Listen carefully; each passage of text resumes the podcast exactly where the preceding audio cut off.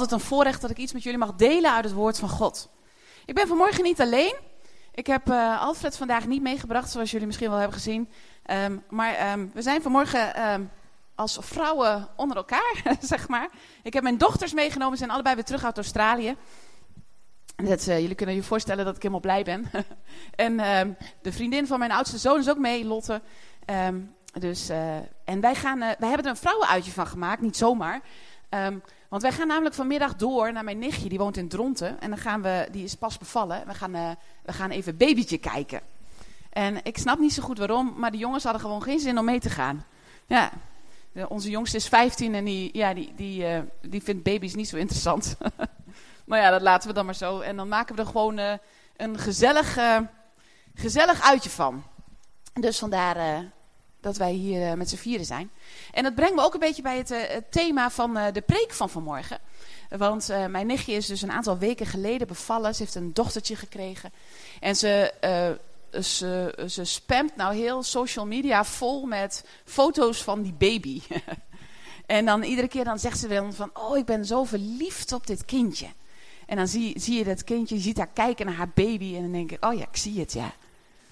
En um, daar wil ik het vanmorgen met jullie over hebben. Niet over mijn nichtje en haar baby, maar over dat gevoel dat je kan hebben. Over dat gevoel dat je kan hebben, um, ja, als je misschien een beetje verliefd bent. En dat kan zijn op een baby, maar je kan natuurlijk ook gewoon verliefd, verliefd zijn op iemand die je ontzettend leuk vindt. Is iemand van jullie wel eens um, verliefd geweest? Ja, niet zoveel hier. Ah, oké, oh toch wel.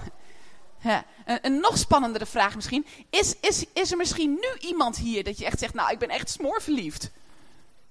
Ja, gelukkig. Goed zo, Ari. ja. Ja. En dat, dat, uh, mag ik jullie eens vragen, als je dat voelt, hè, waar voel je dat dan? Ja, dat is een spannende vraag. Waar voel je dat? Verliefdheid. Wat doet dat met je? Oké. Jullie zijn echt nog niet zo heel verliefd geweest hier, ik hoor het wel. Ja, vlinders in je buik. Jullie kennen die uitdrukking toch wel? Als je verliefd bent, heb je vlinders in je buik. En, en dat is eigenlijk met heel veel van onze emoties. Alles wat we voelen, voelen we vaak in onze buik. Wie van jullie heeft wel eens een spreekbeurt moeten doen voor de klas? Ja? Wie van jullie vindt dat heel erg leuk, zoals ik? Ja? Wie van jullie vindt het echt verschrikkelijk? Oké. En als je dat dan heel verschrikkelijk vindt en je moet dat gaan doen. En je staat zeg maar hè, in, die, in die twee, drie minuten voordat je dan moet beginnen. Wat voel je dan? Ja? Wat voelen jullie dan? Ja, buikpijn, stress. Ja? Dus gevoelens komen heel vaak, voelen we heel vaak in onze buik. Grappig hè? Nou, ik wil jullie vandaag meenemen, um, niet in de gevoelens van ons, maar ook in de gevoelens die God voor ons heeft. En dat is hartstikke mooi. We hebben vanmorgen gezongen, een aantal nummers. Een van de nummers hebben we ook gezongen dat wij God willen kennen. Toch? Dat wij God willen kennen. En God kennen, wat kunnen wij van God kennen? Het zijn van die vragen die je dan in de theologie moet, uh, daar moet je dan over na gaan denken. Bij eigenlijke theologie, dat gaat over God. En dan zeggen ze, al ons kennen over God begint bij God zelf. Want als God zich niet laat kennen, dan kunnen wij God niet kennen. Want God bevindt zich in een hele andere dimensie dan de onze. Maar God wil graag gekend worden. God wil dat wij hem kennen. En dat is mooi, hè? Ik ben al vaker met jullie naar Exodus gegaan en dat is een tekst die mij echt, daar kan ik over blijven nadenken. Dat Mozes op de berg is, weet je wel, het volk heeft gezondigd met het gouden kalf, weet je wel. En eigenlijk heeft God het een beetje gehad. En um, en dan vindt er een ontmoeting plaats tussen God en Mozes op de berg. En dan uh, in die ontmoeting vraagt Mozes aan God: God, ik zou u zo graag willen zien. En dan zegt God: Oké, Mozes, je kan mij niet in mijn gezicht kijken. Niemand kan, kan, mij, kan mij zien en leven, dat gaat niet. Maar je mag mij van achteren zien. En dat verhaal heb ik u wel vaker verteld, toch? Ja, ik, ik doe ook tienerwerk bij ons in de kerk. En uh, bij, bij, onze tieners hebben we het een jaar lang gehad over deze ene Bijbeltekst. Exodus 34, vers 6, waarin God zich bekend maakt. Bij tieners doen we dat een heel jaar lang. En dan hopen we dat aan het einde van het jaar, dat ze dan iets onthouden hebben. Maar blijkbaar is dat uh, voor ons allemaal wel nuttig. ja? Dus wat doet God? God zet Mozes in een rotsspleet. Het is een heel grappig verhaal eigenlijk. Hè? En dan, dan staat Mozes in die rotspleet en dan, en dan legt God zijn hand voor die rotspleet. Dus Mozes kan niks meer zien. Moet je voorstellen dat jij, dat jij als mens dus achter de hand van God staat. Heb je wel eens over nagedacht? Ik denk dan, jeetje, wat heeft Mozes daarbij gedacht, gevoeld? Wat zag hij? Kon hij de hand van God aanraken? Of is dat te menselijk gedacht? Nou ja, het zijn allemaal dingen waar ik over nadenk. Maar in ieder geval, um, God gaat voorbij aan die rotspleet. En als God dan voorbij is, dan haalt hij zijn hand weg en dan mag Mozes God van achteren zien. Maar het mooiste, als God voorbij loopt aan Mozes, dan roept God dit, dit over zichzelf. Moet je je voorstellen. Dus God gaat aan die, aan die rotspleet voorbij en terwijl hij dat doet, roept hij dat hij de God is. De, ik ben de Heer uw God. De God die um, liefdevol is. En genadig. En geduldig. En trouw. En waarachtig. Nou, en die vijf karaktereigenschappen van God, die wilden we dus bij de tieners uh, flink inhameren. En aan het einde van het jaar zei ik, nou, wie ze alle vijf op kan noemen, die krijgt van mij een Twix. Tieners doen alles voor eten. Dat is echt fantastisch. dus als je tieners enthousiast wil krijgen, moet je gewoon uh, chocola meenemen of, uh, of hamburgers of weet ik veel wat. Ze doen alles voor eten. Heel makkelijk.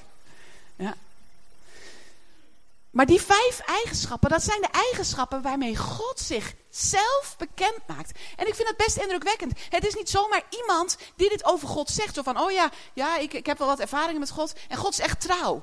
Weet je wel? Dan denk je, ja, dat is leuk. Dat heb jij misschien zo ervaren. Maar ik heb dat heel anders ervaren in mijn leven, zou je kunnen zeggen. Maar dat gaat hier niet op, want het zijn geen mensen die dit over God zeggen, maar het is God die dit over zichzelf zegt. Dus God zegt tegen Mozes, Mozes luister goed, als jij mij wilt kennen, dan mag je dit over mij weten. Als ik met jou omga, zegt God tegen Mozes, dan ga ik in liefde met jou om. Ik, ik ga in genade met jou om. Ik zal altijd trouw zijn. Ik ben geduldig. En het Engels zegt dan slow to anger. Ik ben langzaam met het boos worden, zegt God. Vind je dat niet mooi? Nou, vanmorgen wil ik met jullie vooral kijken naar dat eerste woord. En uh, de, de ene vertaling zegt, God zegt dat hij liefdevol is. De andere vertaling, wat oudere vertalingen gebruiken het woord barmhartig. Nou, barmhartig, dat is een woord dat we niet echt vaak gebruiken, toch? In onze normale dagelijkse spraak. Wie van jullie zegt wel eens, nou, ik ben echt heel barmhartig of zo? Wie, wie gebruikt het woord wel eens? Nee. Nee, niet echt, hè? en dan is het best wel moeilijk van, ja, wat betekent zo'n woord nou precies? Nou, als je teruggaat naar het Hebreeuwse woord. Het Hebreeuwse woord dat hier staat is het woord ragum. Ragum. En het woord ragum in het Hebreeuws, ja, het Hebreeuws is eigenlijk een hele mooie taal. Het is verschrikkelijk om het te moeten leren. maar het is echt eigenlijk een hele mooie taal. Want in het Hebreeuws, zeker in het uh, originele Hebreeuws, het Oud Testaments Hebreeuws, had je woorden en die bestonden alleen maar uit medeklinkers. Dus geen klinkers, alleen maar medeklinkers. En het woord ragum heeft dan drie klinkers. En die drie klinkers, dat, dat is eigenlijk de basis van het woord. En daar voegen ze dan dus uh, medeklinkers aan toe. Maar die staan eigenlijk niet op papier. En het punt is, dat woord ragum met die drie letters, die drie letters komen ook in een heleboel andere woorden dan weer voor. En die woorden, dat is dus eigenlijk een soort van woordfamilie, zou je kunnen zeggen. Die woorden hebben een relatie met elkaar. En dat is het mooie bij dit woord. Het woord ragum um, uh, wordt ook gebruikt in het woord, um, moet ik het goed zeggen, regem.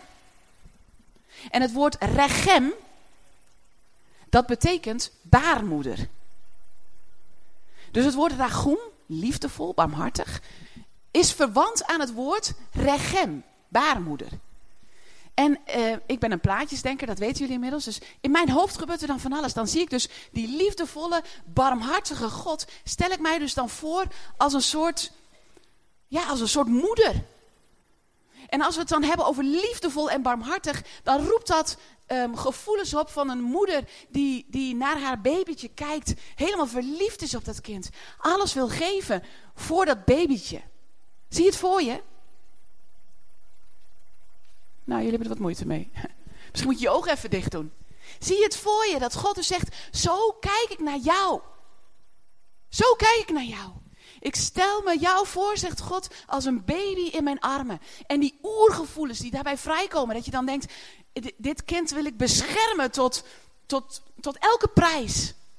Koste wat het kost, wil ik het beste voor mijn kind. Dat is hoe God naar jou kijkt.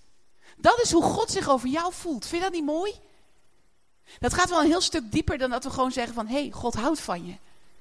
Ja, God houdt van me. Maar wat betekent dat? Dat God zoveel van jou houdt. En dan wil ik met jullie naar een tekst in, in Koningen. En dat is een verhaal, een beetje een gek verhaal eigenlijk.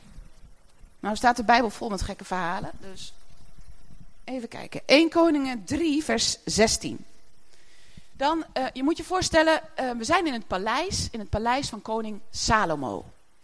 En koning Salomo had in de tekst daarvoor aan God gevraagd, hè, hij, mocht, hij mocht iets van God vragen. En wat vroeg Salomo van God, weten jullie dat? Ja, in plaats van rijkdom en goud of veel paleizen, veel weet ik veel wat, vroeg Salomo aan God om wijsheid. God, alles wat ik van u het liefst wil hebben, is dat ik de wijsheid heb om een goede koning te zijn. En dan lezen we in, in, in gelijk daarna in uh, eh, 1 Koningen 3. Kort daarna vroegen twee hoeren bij de koning om gehoor. Dus ze wilden bij de koning op visite komen. De eerste vrouw vertelde, staat u mij toe heer, deze vrouw en ik wonen in hetzelfde huis. En in dat huis heb ik haar bij, in haar bijzijn een kind ter wereld gebracht. Drie dagen later kreeg ook zij een kind. Wij waren daar samen. En er was niemand in het huis, alleen wij. Maar haar kind is s'nachts doodgegaan, want ze was erop gaan liggen. Toen is ze midden in de nacht opgestaan en heeft ze mijn kind bij me weggenomen, terwijl ik sliep. Ze nam mijn kind in haar armen en legde mij haar dode kind in de armen. Toen ik de volgende ochtend mijn kind wilde voeden, merkte ik dat het dood was. Maar toen ik het nog eens goed bekeek, zag ik dat het niet het kind was dat ik gebaard had. Dat is niet waar, zei de andere vrouw. Het levende kind is van mij en het dode van jou. Niet waar, zei de eerste. Het dode is van jou en het levende van mij. En zo bepleiten deze twee vrouwen ieder hun zaak bij de koning. Dat is nogal een situatie, vind je niet? Twee moeders, twee kinderen. De een is overleden, de andere leeft nog. En wat doet koning Salomo dan? Wat doet koning Salomo? Ja, hij komt met een gruwelijk voorstel. Hij zegt, oké, weet je wat we doen? Jullie maken samen ruzie over één kind. Weet je wat we doen? We snijden dat kind in tweeën en ieder van jullie krijgt de helft. En wat gebeurt er dan? Wat gebeurt er dan? De echte moeder zegt: Nee, dat niet. Koning, dat niet. Als dat de enige optie is, geef dan het kind maar aan haar. En ik denk dat dat, dat, die, dat sterke gevoel, dat is het gevoel wat God voor ons heeft. Dat is een bizar verhaal eigenlijk, hè? dat dat zo in de Bijbel staat. Het gaat natuurlijk over de wijsheid van Salomo, maar er, er, er zit zo'n ja, er zit zo'n power ook in dit verhaal. Dat die moeder eigenlijk bereid is om dat kind los te laten, af te staan. Als het maar kan leven. En dat is wat God voor ons wil. God wil dat wij leven. Leven in overvloed. En dat betekent niet. Dat betekent niet dat je heel veel paleizen hebt, of heel veel dienstknechten, of heel veel paarden. Volgens mij hebben we het daar de vorige keer ook over gehad. Of anders was het ergens anders. Ik spreek nogal vaak de laatste tijd en soms weet ik niet meer zo goed wat ik waar gezegd heb. Overvloed gaat niet over materiële rijkdom. Overvloed gaat niet eens misschien zozeer over de tijd dat wij hier op aarde zijn. Overvloed is veel rijker dan dat. In, in Johannes 17 staat, dit nu is het eeuwige leven. En wat is dat eeuwige leven? Ja, dat we God kennen. Dat we God kennen. En wie is God dan? Nee, je moet goed opletten. Hè? Die vijf eigenschappen God heeft laten weten wie die is. God zegt, dit ben ik. Ik ben liefdevol. Ik ben genadig. Ik ben trouw. Ik ben waarheid. Ik ben geduldig. Dit is wie ik ben. Zo wil ik dat je mij kent. God wil dat wij hem kennen als een liefdevolle moeder die zijn armen om ons heen slaat. Als wij het moeilijk hebben, als we in de penari zitten. Toen het volk Israël in slavernij zat, kwam God naar beneden uit de hemel om naar dat volk om te zien. God wilde hen redden, want God hield van hen. God is liefde. En dat betekent voor God dat Hij bereid is om het beste te geven wat Hij heeft, om ons in dat leven te brengen. We zien dat in het hele Oude Testament door. Dat, dat God dan het volk Israël tot zijn volk maakt. En hij redt hen uit Egypte. En dan moet hij behoorlijk wat uit de kast trekken. Om het volk bij die farao vandaan te halen. Door de Rode Zee. Bij de Sinaï. En dan zegt God, ik wil dat jullie mijn volk worden. En dat volk Israël zegt, ja heer, wij willen u als God. En dan gaat het verhaal verder in het Oude Testament. En het is een verhaal van iedere keer opnieuw een toewijding aan God en weer een falen. Iedere keer opnieuw zondigt het volk weer. En dan kom je uiteindelijk uit bij de profeten, bij Hosea. Dat God zegt, dit, dit, dit, dit volk is zo zondig, ik kan er eigenlijk helemaal niks mee. Eigenlijk kan ik het alleen maar vernietigen, zoals ik Sodom en Gomorra vernietigd heb. Hosea 11, 11 vers 7, 8 zo'n beetje. Maar dan zegt God, hoe zou ik het kunnen? Hoe zou ik mijn eigen volk, mijn eigen zoon, hè? Hosea spreekt ook over het volk Israël als de zoon van God. God zegt, hoe zou ik mijn eigen zoon kunnen vernietigen? Hoe zou ik hem kunnen laten gaan? Ik hou van hem. In de Bijbel staat ook dat, dat, dat God dan zegt: Hoe kan een moeder haar eigen kind vergeten? Hoe zou ik het kunnen, zegt God. En dat is een liefde die, die ons verstand te boven gaat. Want gezonde ouders houden ook van hun kinderen. Maar er zit best wel een grens op een gegeven moment aan wat je hebben kunt. Wij willen graag denken dat onze liefde onvoorwaardelijk is. Maar soms is het behoorlijk moeilijk om elkaar lief te hebben, toch? Zeg maar alsjeblieft dat jullie dat soms ook moeilijk vinden. Ja, soms is dat moeilijk. Maar Gods liefde is, gaat echt overstijgt onze liefde. Hij houdt zelfs zoveel van ons dat hij uiteindelijk bereid is om zijn zoon Jezus deze wereld in te sturen. De ragoem van God gaat zo ver dat zijn eigen zoon sterft aan een kruis. Moet je voorstellen. Moet je je voorstellen. Voordat Jezus sterft aan het kruis, laat Hij ons zien wat het betekent. Die liefde, dat geduld, de trouw van God. En hoe Hij met mensen omgaat. Hij zoekt de ziek op. En hij legt hen de handen op tot genezing. Hij zoekt de verlorenen op. Zoals bijvoorbeeld die vrouw in het huis, die het huis van Simon de Fariseeën binnenkwam en zijn voeten waste. En Simon had een oordeel over deze vrouw. Maar Jezus zegt, kijk eens, ze heeft mij lief gehad. Waarom? Omdat haar veel genade is bewezen. God houdt van het gebrokene. God houdt van het verlorene. God houdt van mensen die het zelf niet kunnen. Die niet meer weten hoe ze verder moeten. Houdt God van alle mensen, maar het lijkt wel alsof, God, alsof deze mensen bij God een streepje voor hebben. Dat als je niet meer weet hoe je het alleen moet doen, dat God zegt, kom maar bij mij. Want ik hou van jou. Ik hou van jou. En ik stel me dan zo voor dat God op de troon zit. Ik weet niet of dat, of dat echt zo gaat hoor, maar ik ben een plaatjesdenker, dus zo werkt het in mijn hoofd. Dan zie ik God op zijn troon zitten en dan zie ik hem s'morgens vroeg naar beneden kijken. Als ik wakker word, als jij wakker wordt, dat hij dan naar ons kijkt en dat hij dan denkt, ah, kijk nou, wat schattig. Ja, onze jongste zoon, die was uh, de afgelopen dagen, heeft hij geholpen op het kinderkamp van, van bij ons van de kerk. En eh, hij kwam thuis om vijf uur en hij, was echt, hij had de hele nacht niet geslapen. Want zo gaat dat uh, op een goed kinderkamp. Hè? Daar slaap je niet zoveel. dus hij, hij eh, was om zeven uur thuis met zijn kleren aan in bed, op, in, op zijn bed in slaap gevallen. En wij, wij kwamen wat later thuis. Ik zeg, goh, was Boas toch? En uh, Vera zei, ja, Boas die slaapt. Dus ik liep zijn slaapkamer in. En toen lag hij daar in zijn tiener, weet je wel, vijftien. Helemaal met zijn benen opgetrokken. Echt zo schattig. En dan kijk ik naar hem. Normaal is het een hele opgeschoten puber, weet je wel. Die overal wat van vindt, die overal commentaar op heeft. En, en alles altijd ook beter weet. Dat heb je met tieners, die weten alles beter. En ik zag hem daar zo liggen en toen dacht ik, ach, wat is hij eigenlijk schattig. En ik kan me voorstellen dat God zo naar ons kijkt. En niet alleen dat hij dan denkt, ach, wat is ze lief. Maar Ragum betekent ook, hè, uh, als rechem baarmoeder betekent, ragum betekent liefde en die woorden hebben iets met elkaar te maken. Dan betekent dus ook dat God, dat God zeg maar tot, tot in zijn ingewanden, klinkt een beetje gek, bewogen is over jou en mij. Een theoloog, Martin Buber, is een Joodse theoloog, die zei, um, die zei dat dus, hè, van barmhartigheid, de liefde, de ragum van God, betekent eigenlijk dat God zegt, ik ben tot in mijn ingewanden bewogen over jou. Dan moet je je voorstellen dat God dus op zijn troon zit, naar jou kijkt. En hij ziet jou niet alleen s'morgens als je schattig wakker wordt. Maar hij ziet jou de hele dag door. Hij ziet met welke uitdagingen jij te maken hebt. Hij ziet waar jij worstelt. Hij ziet waar jij ontzettend veel plezier hebt. Hij ziet waar jij van geniet. Hij ziet jou ieder moment van je leven.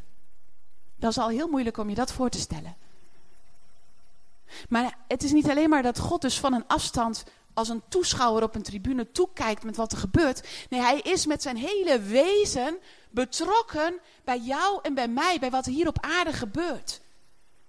Kun je dat voorstellen? Dat als jij door een moeilijke tijd gaat en God kijkt naar jou, dat God dat voelt in zijn. Ja, heeft God ingewanden? Maar in ieder geval in zijn hele wezen doet dat iets met God. En die emoties die God voelt voor jou en voor mij, het woord emoveren, dat is een Grieks woord, dat betekent uh, eigenlijk, hè, daar is ons woord emotie van afgeleid, maar dat betekent eigenlijk in beweging brengen. Emoties brengen iets van binnen in beweging. Je voelt iets en die gevoelens, die doen iets met je. Uiteindelijk brengen die emoties je in beweging. Ze zetten je aan tot actie. En dat is precies wat er bij God gebeurt. Dat wat hij over jou voelt, die sterke gevoelens die hij heeft voor jou, die brengen hem in beweging om in jouw leven te werken. En dat doet hij door de Heilige Geest. Hij werkt in jouw leven. En misschien zie je dat niet altijd. Misschien zit je wel op een hele moeilijke, moeilijk punt in je leven. Dat je denkt, ja, het klinkt allemaal leuk en aardig. God houdt van je. Ja, dat weet ik eigenlijk wel. Maar ik ervaar er niets van. En dat kan. Het kan zomaar zijn dat je in jouw omstandigheden, in, in, in de, ja, de plek waar je zit, dat het daar duister is. Dat je, dat je denkt, Heer, waar bent u dan? Waar bent u dan? Maar dat jij niet ervaart dat God aan het werk is, betekent niet dat God niks doet. We kunnen het niet altijd zien. En helaas doet God ook niet altijd alles wat wij graag zouden willen. Maar God is wel degelijk aan het werk. Ten behoeve van jou en mij. Om ons te redden, om ons te zegenen. Om ons dat eeuwig leven te geven. En dat eeuwig leven geldt niet alleen voor nu. Maar dat eeuwig leven dat is vanaf nu, zoals het dan zegt, voor eeuwig. Voor altijd. En wat zongen we toch? We, we zongen zoiets van, ik zie het licht al in de verte. Zongen we er straks, hè? Ik jullie al een beetje opletten wat je allemaal zingt eigenlijk. Maar we zongen, ik zie het licht al in de verte. We zijn er nog niet, maar we zien het komen. En er komt een dag dat Jezus terugkomt en dat deze hele aarde nieuw wordt. En dat jij en ik in een oogwenk zullen veranderen. Hoe dat zal gaan, geen idee. Maar dan komt er een einde aan alle ellende. En daar werkt God naartoe. Vanaf de schepping tot aan het eind is God daarmee bezig. En ook nu vandaag. In jouw leven of door jouw leven heen. Abraham kreeg een belofte van God, weet je nog? Je zal een groot volk worden. Hij heeft het zelf nooit waar zien worden. Maar toch heeft God al die tijd gewerkt om die belofte waar te maken. En al overstijgt het misschien ons eigen leven, maar God is trouw. Durf je dat te zeggen? Kan je dat zeggen? God is trouw. Oké, ik hoor in ieder geval een amen. God is trouw. En wij zijn een beetje, beetje wij, wij zijn een beetje van de magnetron-generatie, toch? Nee, jullie niet? Nou, wij zijn opgegroeid, ja, de ouderen onder ons zijn misschien nog wat geduldiger. Maar de jongeren die echt met technologie zijn opgegroeid en het idee hebben dat we alles kunnen weten en ook nu kunnen weten. Want we hebben tenslotte een mobiele telefoon en die helpt ons met alles. Toch? We zijn een beetje een ongeduldige generatie geworden. We willen lekker eten, gewoon hup in de magnetron, minuutje aan, klaar is Kees, lekker eten op de bank. Liefst voor de televisie. Beetje zo, toch? Gelukkig niet iedereen, nee. maar je snapt wat ik bedoel. Door alle mogelijkheden die wij, die wij hebben, alles wat ons tegenwoordig ter beschikking staat, zijn wij hebben wij wel een heel snel leven, laat ik het zo maar zeggen. Wij hoeven niet meer met de hand de was te doen, we stoppen het in de wasmachine en een uurtje later komen we terug en is het schoon. Als je een eco-wasmachine hebt, duurt het misschien iets langer, maar je snapt wat ik bedoel. Dus als wij dan denken aan, nou, God, God doet ons belofte, nou heer, wanneer maakt u het dan waar? U hebt het me gisteren al beloofd en ik heb het vandaag nog niet gekregen. Weet je wel zo? Dan moet je eens naar Abraham kijken. Die moest al 400 jaar wachten. En dan, en dan denk ik, heeft hij het gezien? Kon hij vanuit de plek waar hij was? Want waar ga je naartoe als je doodgaat? Dat is ook nog maar de vraag. Kon hij vandaar zien dat God zijn belofte had waargemaakt? Of is hij nu in de hemel bij God en kan hij het vandaar zien? Of wordt het straks bij de opstanding een grote verrassing voor Abraham? Dat hij dan pas echt kan zien, wow, God, zo groot heeft u, heeft u mijn, mijn nakomelingen gemaakt. Ik heb geen idee. Ik heb geen idee. Maar God is trouw. Ook al zien we dat niet altijd. God is trouw. En die liefde, de ragoem van God, is ultiem zichtbaar geworden in het kruis. Dat hij zijn eigen zoon niet sterven voor jou en voor mij. Daar zou je gewoon eens een tijdje over na moeten denken.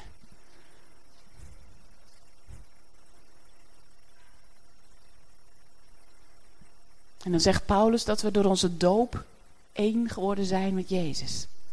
Toch? Romeinen 6. Als je Jezus hebt aangenomen, dan heb je je één gemaakt met Hem. En misschien heb je geen idee wat dat betekent. Ik had geen idee wat dat betekende toen ik me liet dopen. De rest van de, van, van de weg was dus ook een enorm avontuur. Toen ik het allemaal langzaam en zeker begon te begrijpen. Maar als je je één maakt met Jezus, dan maak je je ook één met de missie, met de opdracht van God. En zoals God ragoem is voor ons, mogen wij ragoem zijn voor de mensen om ons heen. Barmhartig, liefdevol. En er zijn heel veel mensen, niet alleen in deze kerk, maar ook buiten deze kerk om ons heen. Die die liefde van God nodig hebben. Mensen die verloren zijn, mensen die niet meer weten hoe ze verder moeten. Mensen die net als het volk Israël in ellende zitten.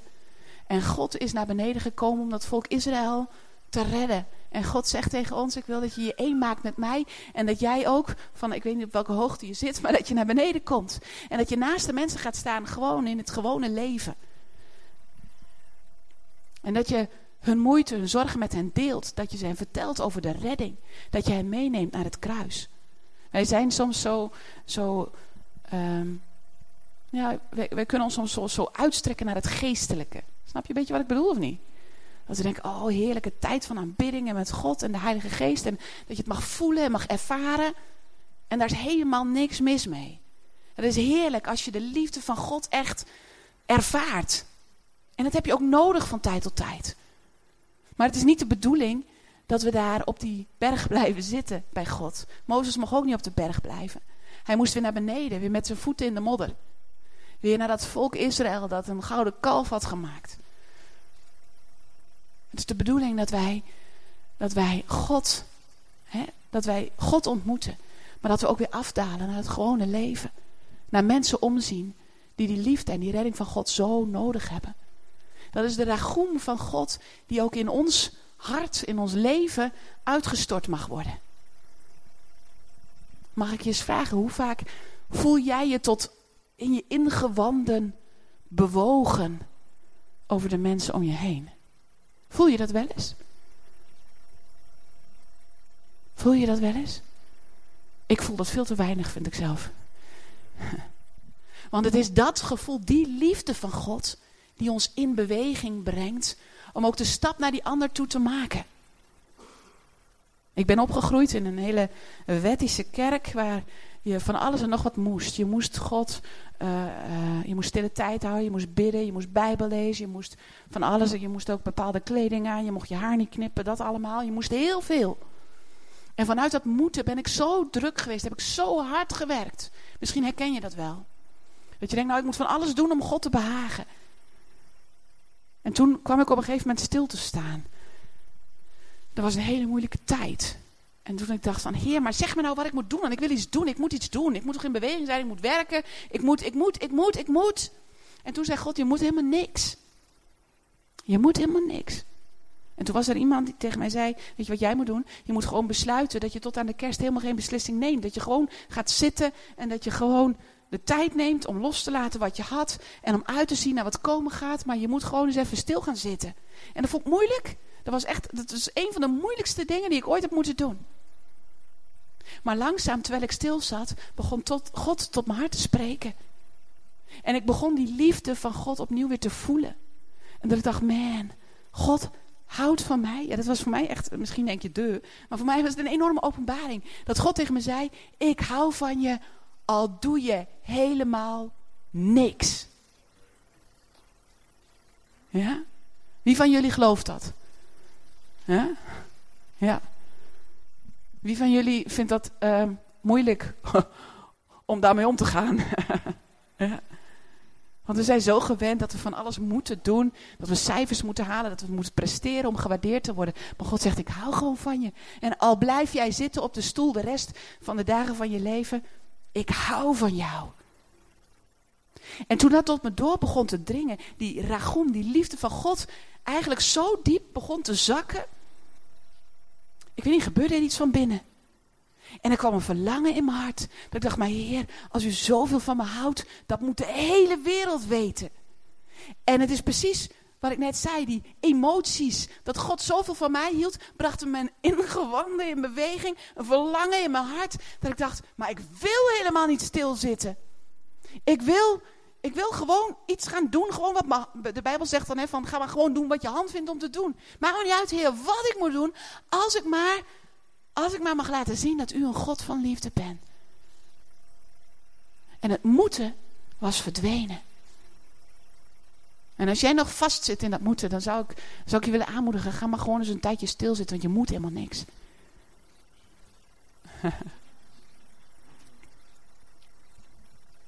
Je moet helemaal niks. God houdt van je. En niet maar een beetje tot hier. Zelfs niet eens alleen maar tot hier maar helemaal tot hier. Hij is verliefd op je. Als hij naar je kijkt, ik weet niet of God een buik heeft, maar dan heeft hij vlinders in zijn buik. Hij ziet de mogelijkheden die jij hebt. Hij ziet de mens die jij bent, de mens die jij gaat worden. En we hebben ook gezongen vanmorgen. Ik vind het zo mooi dat de hele preek eigenlijk in de lieder al voorbij komt. We hebben ook gezongen vanmorgen. Heer, ik wil mij aan u geven. Al wat ik ben, al wat ik heb, Heer, dat vertrouw ik aan U toe. En dat zingen we zo makkelijk, maar dan vraag ik me wel eens af, doen we dat ook echt? Doen we dat ook echt? Vertrouwen we alles wat we hebben, alles wat we zijn aan Hem toe. En niet alleen maar alle mooie dingen die we kunnen, maar ook alle moeilijke dingen die we hebben. Al onze pijn, al ons verdriet, onze moeite, onze lichamelijke beperkingen. Vertrouwen we dat aan God toe? En vertrouwen we dat Hij het beste daarin kan doen? Mijn man die heeft in, in maart een, een operatie gehad. Hij is geopereerd aan zijn hart. En uh, uh, hij moest daarna moest hij eigenlijk rustig aandoen en we langzaam opbouwen, revalideren. Daar is mijn man allemaal niet zo goed in. hij kan alleen maar uit of aan. En als hij dan aangaat, dan, dan wil hij gewoon, hij wil gewoon, hij wil gewoon zoveel. Er zit zoveel in zijn hoofd. Hij denkt, dat kan ik en dat kan ik. En dan heeft hij klanten en mijn man heeft een eigen bedrijf. Hij is handig, hij heeft twee rechterhanden. En hij werkt met name voor oudere mensen en mensen die, die ziek zijn. Dat vindt hij, ja, daar, daar voelt hij zich toe geroepen. Daar wil hij graag iets voor betekenen. Niet alleen eh, in een praktische zin, maar vaak moet hij dan ook koffie met ze drinken. En dan willen ze ook dat hij rustig bij ze komt zitten, want ze willen een hele verhaal vertellen.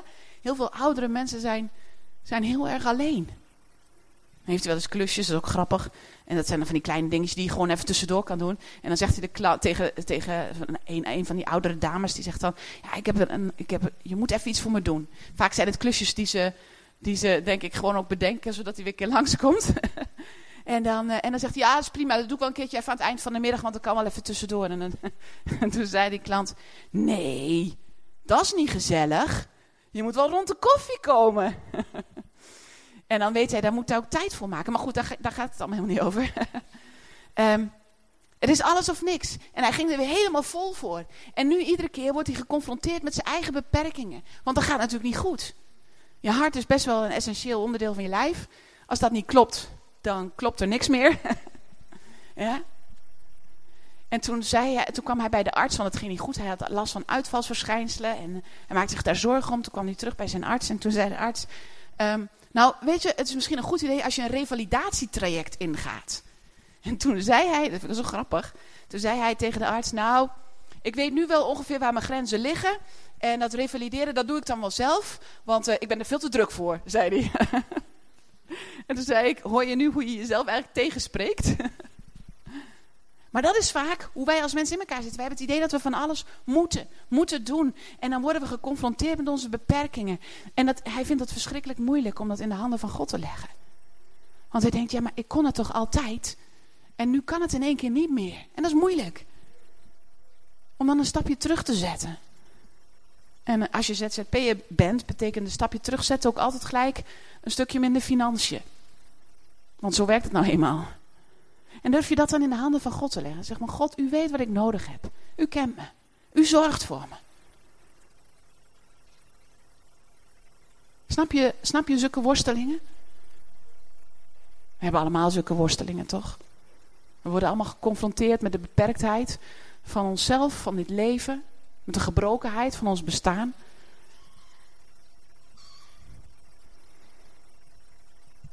En dat is de ene kant. En aan de andere kant worden we ook allemaal geconfronteerd met de verwachtingen van deze wereld. We leven in een gebroken wereld, maar we mogen eigenlijk niet gebroken zijn. Dat is het dilemma waar we in zitten. En dan zegt, zegt God, ik kom jullie wereld binnen. Hij daalde af naar het volk Israël. Jezus daalde af om de zoon van mensen te worden de mensenzoon die naast ons staat in het leven. Die zijn leven zelfs aflegt. Sterft voor ons. En dan zegt Jezaja dat, dat God met al onze lijden vertrouwd is. Hij zegt, ik ben benauwd geworden in jullie benauwdheden. In de hof van Gethsemane heeft Jezus onze zonde op zich genomen. Onze pijn, onze gebrokenheid, onze schuld. Onze beperkingen. Alles waarmee, wij mee geconfronteerd worden, daarmee werd Jezus geconfronteerd in de hof van Gethsemane. Als er iemand is die begrijpt waar jij zit. Als er iemand is die de pijn begrijpt die jij voelt. Dan is dat Jezus. En hij wil naar je toe komen. Hij wil naast je staan. Hij wil je meenemen. En hij wil jou laten zien dat God liefdevol is en barmhartig. God ziet je. God ziet jou. Hij weet waar je zit. En hij weet wat je nodig hebt. En God wil ook door jou heen werken. Want hij ziet ook wat je buurman nodig heeft en je buurvrouw nodig heeft. Durf je jezelf aan hem toe te vertrouwen? Dat is eigenlijk de vraag van vandaag. Voor jezelf en voor die ander. En misschien kunnen we een beetje muziek maken. Dat kunnen we niet allemaal, maar sommigen van ons kunnen dat heel goed.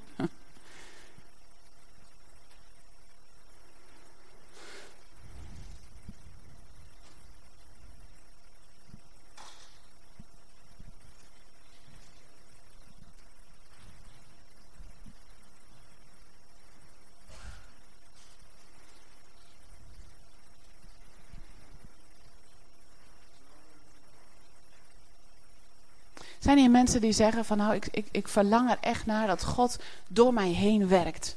Ik wil zo graag de handen, de voeten zijn voor deze wereld, voor de mensen om me heen, voor de mensen hier in de kerk. Daar verlang ik naar. Wil je gaan staan? U mag allemaal wel gaan staan trouwens. In, emoveren en beweging komen.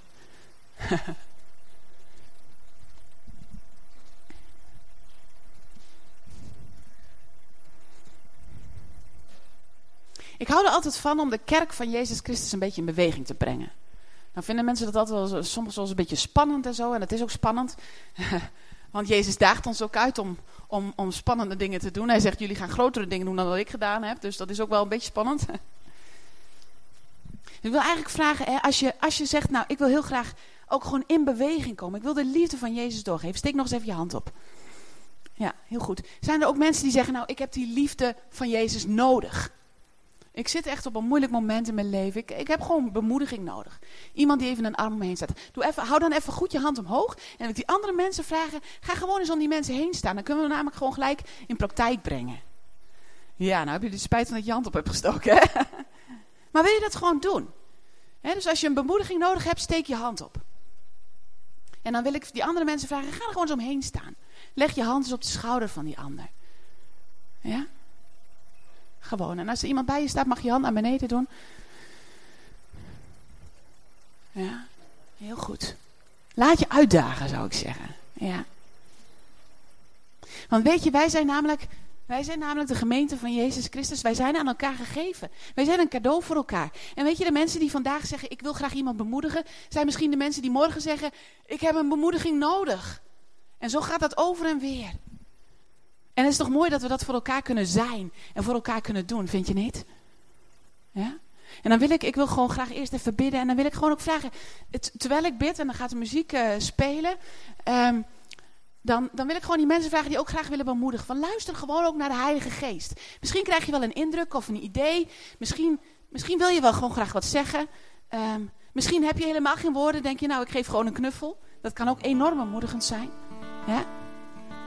Um, en misschien, misschien krijg je helemaal niks van dat alles. Maar dan zeg je toch, nou hier, hier ben ik, ik ben bereid. En dat is eigenlijk alles wat hij van je vraagt. Ja? Ik wil graag eerst voor jullie bidden. En dan gaan we luisteren naar de muziek. En dan zou ik zeggen, doe wat je hart je ingeeft. Lieve Vader in